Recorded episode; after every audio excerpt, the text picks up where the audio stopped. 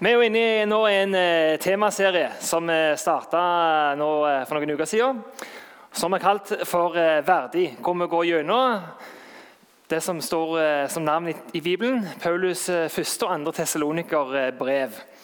Og Til det så har vi også lagd et ressurshefte så dere kan bruke enten i hjemmet deres sammen med de dere deler samme adresse med, eller om dere har lyst til å bruke det i smågruppefellesskap. som vi måtte ha. Så Det ligger jo sånne hefter der ute hvor du får litt sånn kommentar til bibeltekstene. Pluss det er òg eh, samtalespørsmål. Så bruk gjerne det gjennom denne høsten.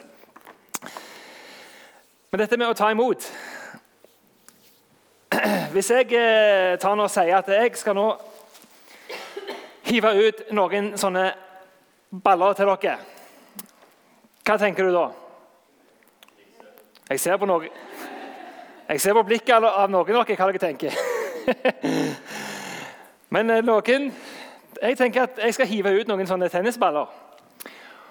Så er det jo om du har lyst til å ta imot det. Du tenker ja, hva er vitsen med det? Stoler du på meg? Det kan være én ting. Men eh, hvis en tenker ok, dere skal ta imot disse ballene Hva vil dere gjøre for å være klar til å ta imot disse ballene? Vil dere sitte sånn som dere gjør nå? Ja, Noen vil bare sitte. Eller vil dere reise dere for å være klar til å være i større grad klar til å ta imot dette? her? Så Nå skal jeg hive ut en del baller, så får vi se dere, hvordan dere vil respondere på dette. her. Om du kan Om du kan være med å hive? Klart du kan være med å hive. Anne Grete er med å hive. Hun er håndballjente. Du må kjøle Denne operasjonen i fingeren din er det OK. Ja, Så kan du hive ut noen baller. Så Skal vi se om noen tar imot? Noen tar imot? Noen tar imot, skal vi se. Skal vi se, Det er noen som sitter. Ja. Oi sann. Oi. Oi. Sånn. Sånn. Prøv å ta imot. Hei. Nei, det, må, det måtte ei håndballjente få ta imot den. altså. Ja, fint. Se her, noen vil ta imot. Du kan få hive ut resten. Er du klar, Runar? Ja. Oi, nesten. Veldig bra. Da har vi hevet de. Veldig bra. Tusen takk for hjelpen, Anne Grete. Ja. Men igjen, jeg ser jo at det var veldig ulik måte dere responderte på. Noen hadde lyst til å ta imot, noen hadde ikke lyst til å ta imot. Noen av dere viste at, eh, viste at dere ville gjøre dere klare til å ta imot, andre ikke. Noen av dere greide å ta imot det som kom. Og så virka det som at det var litt, litt avhengig av den som sto her oppe, om det kom fram i det hele tatt eller ikke. Men sånn tenker jeg også en kan tenke litt i forhold til dette med, som er dagens tema, å ta imot Guds ord. Er dere villige og klare til å ta imot? Hvordan er dere, posisjonerer dere dere i forhold til å ta imot?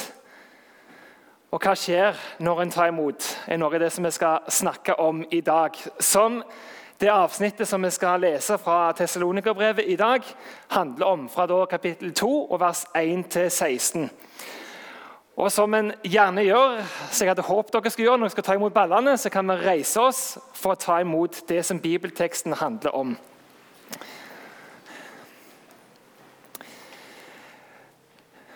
Og La oss først be en bønn om lys over ordet. Gode Gud, hjelp oss til å ta imot det du vil si oss i dag gjennom ditt ord. La oss åpne hjerter, åpne sinn åpne dører for din ledelse i dag. Amen. Dere vet selv, søsken, at dere ikke tok imot oss forgjeves.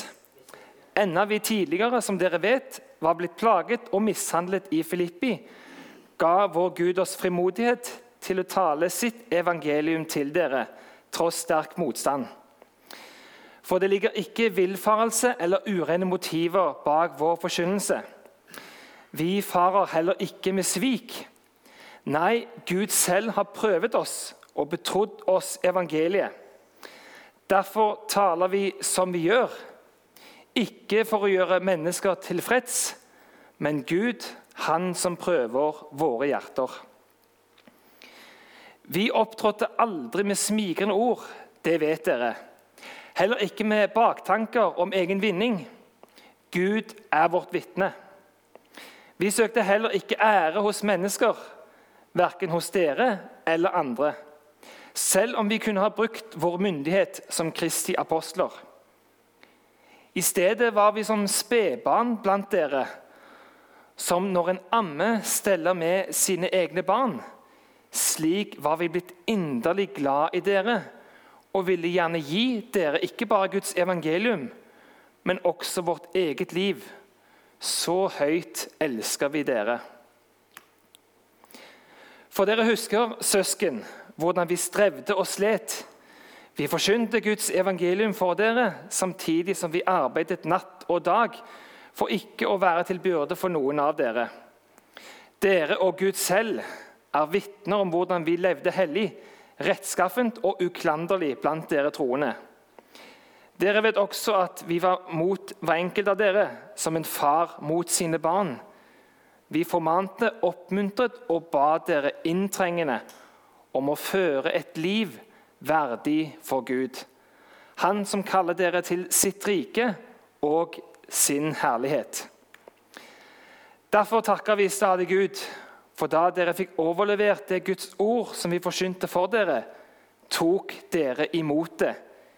Ikke som menneskeord, men som det Guds ord det i sannhet er. Og dette ordet er virksomt i dere som tror. For dere søsken har fulgt eksempelet fra Guds menigheter i Judea, de som er i Kristus Jesus. Dere har måttet tåle det samme fra egne landsmenn som de har måttet tåle fra jødene. De som drepte Herren Jesus og profetene, og som forfulgte oss. De er ikke til glede for Gud og står alle mennesker imot. For de hindrer oss i å tale til hedningene, slik at de kan bli frelst. Og slik følger de opp med synd på synd, men vreden har til sist nådd dem. Slik lyder Herrens ord. Vær så god og sett dere ned. Bakgrunnen for dette brevet er at brevets avsendere, som var Paulus, Silvanus og Timoteus, har nå vært vekke herfra en stund, men sendte da Timoteus for å sjekke hvordan det sto til med menigheten. og Timoteus kunne rapportere om at menigheten hadde fortsatt å ta vare på det som disse tre hadde først forkynt til dem, med stor glede. Og det første en kan si seg, ja, Hva er det de har tatt imot? Hva er dette Guds ord som en snakker om i dette brevet? Og Ta først å identifisere det. Guds ord er jo først og fremst Jesus. Derfor er det at eh, evangelisten Johannes skriver i fjerde, den fjerde boka i Nytestamentet at og ordet ble menneske og tok bolig iblant oss, og vi så hans herlighet. En herlighet som den enbårne sønn har fra sin far, full av nåde og sannhet. Jesus er Guds ord. Jesus er ordet som går ut fra Guds munn. Og som et ord så gjør Jesus det som hans himmelske far vil og gjør. Jesus er det evige ord, født, ikke skapt del av Guds treenighet sammen med Faderen og Den hellige ånd, som er den tredje personen i Guds treenighet. Jesus er Guds ord. Men òg sanne ord som blir sagt om Jesus, kan være Guds ord. For det Den hellige ånd kan skape om menneskeord til å bli Guds ord når det snakker sant om hvem Jesus er. Og Det gjør at gjennom ord som blir sagt og forkynt, så kan du få et sant møte med Jesus her og nå. Selv om ikke Jesus vandrer rundt sånn som han gjorde for 2000 år siden. Så kan Den hellige ånd skape liv og skape noe stort ut ifra ord som vi bruker som det kan bli Guds ord. Og Derfor skriver en av Jesus sine disipler, han som heter Peter, i et brev som han sjøl skrev, som er oppbevart i Bibelen, at den som taler, skal se til at han taler som Guds ord. Og Det gjør en når en snakker sant om hvem Jesus er, og hva han har gjort for oss. Bibelen blir også kalt ofte for Guds ord. Noen av dere har kanskje en sånn bibelutgave hvor det står 'Bibelen Guds ord' på den. Det er ikke for at akkurat denne utgaven er mye bedre enn de andre bibelutgavene. Men det er fordi at den eh, ene utgaven har tatt det kallenavnet til seg. Men alle bibler er jo Guds ord, kan kalles Guds ord. For det, det som ble først forkynt, det som ble videreført muntlig gjennom den muntlige tradisjonen, det ble etter hvert tatt vare på og vil bli skrevet ned i de bibelske skriftene, i Det nye testamentet. Men òg det som ble skrevet før Jesus ble født, som ble kalt for Det gamle testamentet, er òg kalt for Guds ord. Fordi at Jesus er sentrum i hele Bibelen. Både i Det gamle testamentet, men òg det som er i Det nye testamentet. Så Bibelen snakker sant om Jesus, hvem han er, hva han gjorde, og hva hans vilje er for våre liv. og Derfor kaller vi Bibelen for Guds ord. Så De 66 bøkene i Bibelen har Jesus som sentrum. Og, de som, eh, og Det som spesielt handler om Jesu eget liv, ble jo skrevet ned igjen i Det nye testamentet. Og Vi tror jo også at de som skrev det ned, skrev ned det de gjorde pga. at de ble ledet av Guds hellige ånd til å skrive det de gjorde. Men alt om Jesus ble jo ikke skrevet ned av de første kristne i Bibelen. Som evangelisten Johannes skriver selv i sitt evangelium. Der Han skriver i slutten at Jesus gjorde også mange andre tegn for øynene på disiplene. Tegn som det ikke er skrevet om i denne boken. Så Det betyr at det fins historier om, om Jesus utenom det som er skrevet ned i de bibelske skriftene og i boka 'De apostlenes gjerninger' så kan en da høre om at eh, forfatteren der skriver at en bør gjøre sånn som Jesus har sagt, at det er bedre å gi enn å få. Men ingen av de fire evangeliene kan en, høre, kan en lese at Jesus sier det. Så det fins ord som er sagt om Jesus, som ikke er skrevet ned, som er oppbevart i kirkas tradisjon. Men Bibelen blir allikevel en rettesnor i forhold til å vite virkelig sant hvem Jesus er og hva han har gjort. Så hvis det er noe i en muntlig tradisjon som strider mot det som står og skrevet ned i Bibelen, så er det Bibelen som har den øverste autoritet i forhold til å gi oss et sant og troverdig bilde av hvem Jesus var, hvem han er, hva han sa, og hva hans vilje er for våre liv. Så er det Bibelen som har den øverste autoriteten. Det andre er jo hvorfor ta imot dette Guds ordet? Hvorfor ta imot Jesus? Det ene handler om dette med å se. Øynene våre, øynene mine, kan ikke selv produsere noe som helst lys. Jeg er avhengig av en kilde utenfor meg selv til å se. Og Sånn er det òg i forhold til å kunne se og vite hvem Gud er. Så trenger vi en kilde utenfor oss sjøl, og det er Jesus.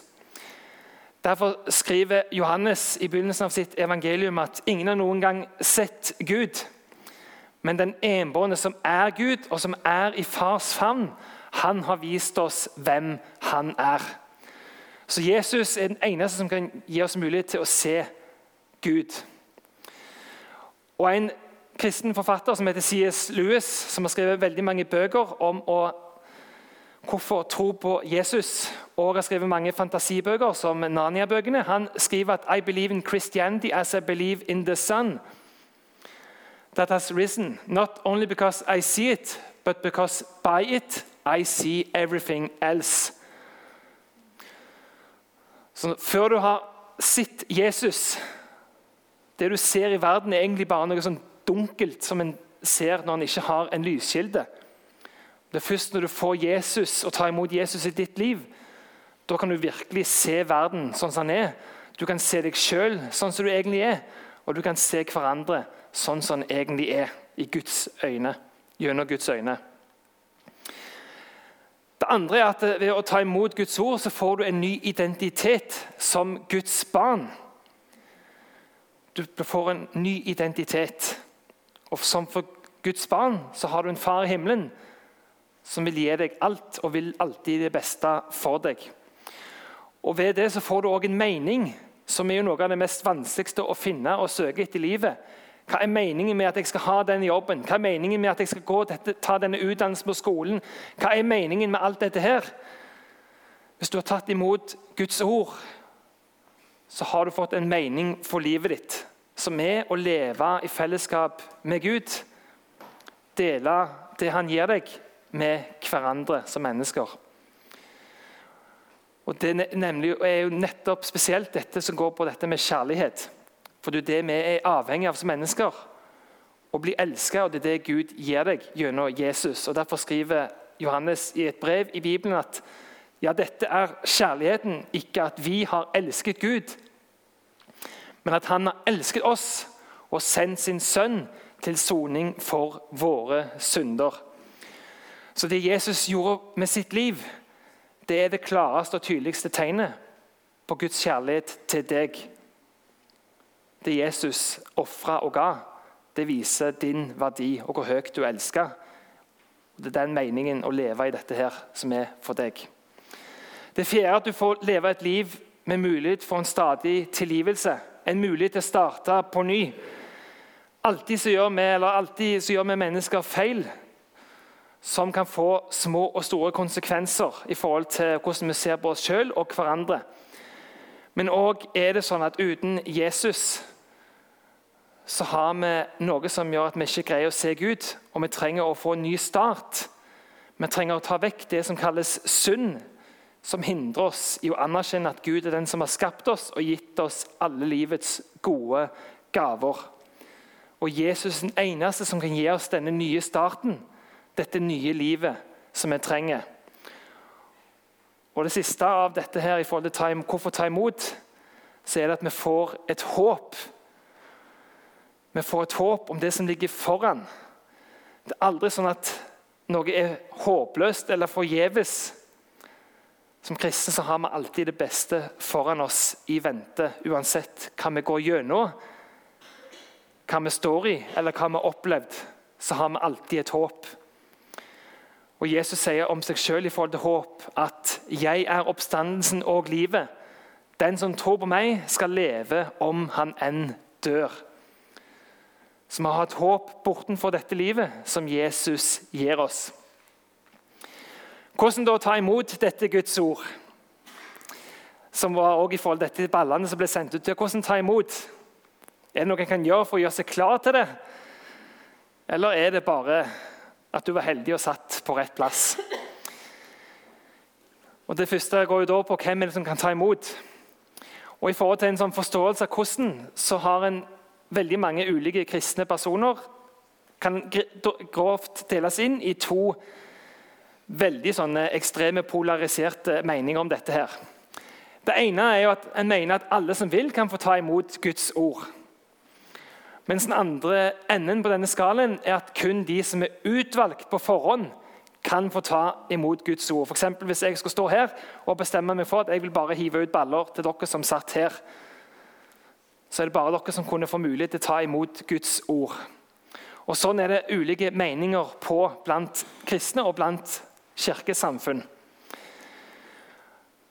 Men et av vitnesbyrdene i Bibelen er tydelig om at Gud ønsker at alle mennesker skal bli frelst og lære sannheten å kjenne, som du kan lese om i Paulus' første brev til Timotius, kapittel 2, vers 4. Det er et, i fall et uttrykk for at Gud ønsker at alle mennesker skal få komme inn til det han vil invitere oss inn til. Vår eh, grunnlegger av metodistbevegelsen, John Wesley, han samarbeidet en stund med en som heter George Whitfield, som var en utrolig viktig person for John Wesley. Som var den som utfordret ham på å ikke bare fortelle om Jesus inni kirkebygningene, men å gå utenfor kirkebygningene. Men i forhold til dette spørsmålet hvem kan få ta imot, så ble disse to delt. De, ble, de splitta og gikk sine egne veier. For det at George Whitfield handla på den linja som mente at det, det, var forhåndsbestemt hvem som kunne få ta imot Guds ord eller ikke. Og John Wesley mente at det hvis en skulle tenke det, så streit de imot Guds natur om å være en nådig Gud som gir oss ufortjent. Og dermed gikk de i forskjellige retninger, disse to. For John Wesley hevda at alle mennesker ønsker Gud skal bli frelst, og alle får mulighet til å ta imot. Hvordan da ta imot? I Markus evangeliet sier Jesus at den som tror og blir døpt, skal bli frelst. En har jo mange tanker om hvordan en skal kunne ta imot. Noen bruker f.eks. dette med alterkall eller frelsesbønn som en sånn nå, Når du gjør det, da har du liksom tatt imot. Begge disse tingene er ganske nye oppfinnelser fra kristne. Det er noe som kom helt på slutten av 1800-tallet hvor en tenkte at det å knele ved var liksom måten en tok imot på. Tradisjonelt har det vært at du tar imot ordet i ditt hjerte, bekjenner det med din munn, f.eks. i en trosbekjennelse, f.eks. den apostolske trosbekjennelsen, og at du stadfester det ved en offentlig utvendig handling som dåp. For at dette med å, om du har tatt imot eller ikke, ikke skal bare bli en sånn subjektiv greie du går og tenker bare på alene eller tviler på, men at du skal ha, ha noe utenfor deg sjøl som du kan holde deg fast ved. Gud bruker noe fysisk, akkurat som han brukte sin sønn Jesus til å gå fysisk rundt oss. Det betyr ikke at uh, den som ikke blir døpt, ikke blir frelst. Gud er ikke bundet av noe av dette her. Gud er fri til å frelse den han vil. Men Gud har gitt oss som mennesker Kirka til å forvalte de midlene Gud primært bruker til å gi oss sitt ord. Så det fjerde hvem er det som kan dele Guds ord? Og Det, var, det virker som at i den eh, avsnitt som er lest, så er det et eller annet som har skjedd fra det første besøket Paulus, og Silvanus og Timoteus har hatt i Tessalonika-menighetene som har gjort at de har blitt veldig urolige i forhold til hva skjer egentlig i menigheten, som gjorde at de sendte Timoteus for å undersøke hva som har skjedd. Og så er det jo den store gleden at, de, at Timoteus kommer tilbake og forteller at menigheten har holdt fast på det som, dere, det som er først forkynte. Men det virker som at det har vært noen i menigheten, kanskje andre forkynnere, som har forkynt noe, an, noe annet enn det disse tre først gjorde som gjorde at de ble urolige om de kom under press eller ikke. Eller om de holdt fast på det. Det med mange ulike forkynnere det er det jo overalt i dag. Det er mange forkynnere her i byen, i verden, i Norge. Og Spesielt i forhold til at vi har de her sosiale mediene, YouTube og sånt, hvor det er en drøss med ulike forkynnere som kan forkynne veldig mye forskjellig. Og Blant disse her så er det gjerne noen av de som dedikerer livet sitt til å advare mot andre forkynnere. Når metodismen kom til Norge, så var det enkelte prester i den eh, statskirka som brukte mye av tida si for til å advare mot spesielt metodistbevegelsen. For han mente at det var vranglære. Nå skal ikke jeg gå gjennom, veldig nøye gjennom på det, for det at som forsyner sjøl lever jeg jo i et glasshus. Men Paulus, og Silvanus og Timoteus lister opp noen poeng som de tenker er viktige òg for å vise til deres tjeneste, hvorfor folk de Tessalonika-menigheten burde lytte til de, framfor de som har vært der i mellomtida. Noe av de tenker at en bør se på når en ser på forkynnere, som også handler om dette med de ballene. Er en villig til å ta imot dette eller ikke? Det er jo motivet. Hva er motivet til de som kommer for å forkynne? Hva motiv ligger bak? Ligger det et motiv av omsorg eller et motiv av fortjeneste? Mange tenker at Hollywood og sånt er liksom den store industrien i verden. Men faktum er at ingen industri er nok større enn kristendommen. Hvis du skriver den boka som klør godt i øra, så kan du fort bli ganske rik på å skrive kristne bøker. Eller drive med kristen undervisning. Så er motivet til de som forkynner, ut ifra lønn og belønning? Eller er det et motiv av omsorg og kjærlighet? så er det jo så klart sånn at alle forkynnere og de som arbeider, fortjener sin lønn, som også Paulus skriver. Men det er tydelig hvis en ser på enkelte forkynnere, at det er noen som har krav til seg mer enn det de hadde behøvd. Det andre er om de som forkynner, er blitt prøva på noen som helst måte. I Metodistkirka er det jo sånn at en kan aldri bli prest uten å bli godkjent for den menigheten en tilhører. Så når jeg skulle bli kandidat, da ba jeg om et skriftlig valg om jeg skulle bli godkjent eller ikke. Og jeg sa at hvis det var én som skrev at jeg ikke kunne bli godkjent, så skulle jeg ikke bli prest i et sånn anonymt eh, skriftlig valg. Så var det dessverre ingen som skrev nei, så da, da gikk det den veien det gjorde. Eh, til noens eh, fortvilelse. Men det handler, men det handler mye om det å bli prøva. Altså, de som forkynner, kommer de fra en sammenheng, eller opptrår de bare på egen hånd? Og Paulus sier selv at de ble blitt prøva av Gud i forhold til den tjenesten de hadde. Søker de som forkynner ære, eller hvor, hvor søker de ære? Søker de ære hos mennesker og blir godt likt blant mennesker? Eller søker de Guds ære, som Paulus, Silvanus og Timoteus skriver at de gjorde? Mange tenker at noe, det, noe som er veldig viktig med forkynner, at de må ha en åndelig autoritet. De må ha en sånn autoritet til å si at fordi jeg har denne tittelen, så er det sånn det skal være. Jeg er ekstremt skeptisk til det, og det er ekstremt mange tilfeller hvor det har gått utrolig gale.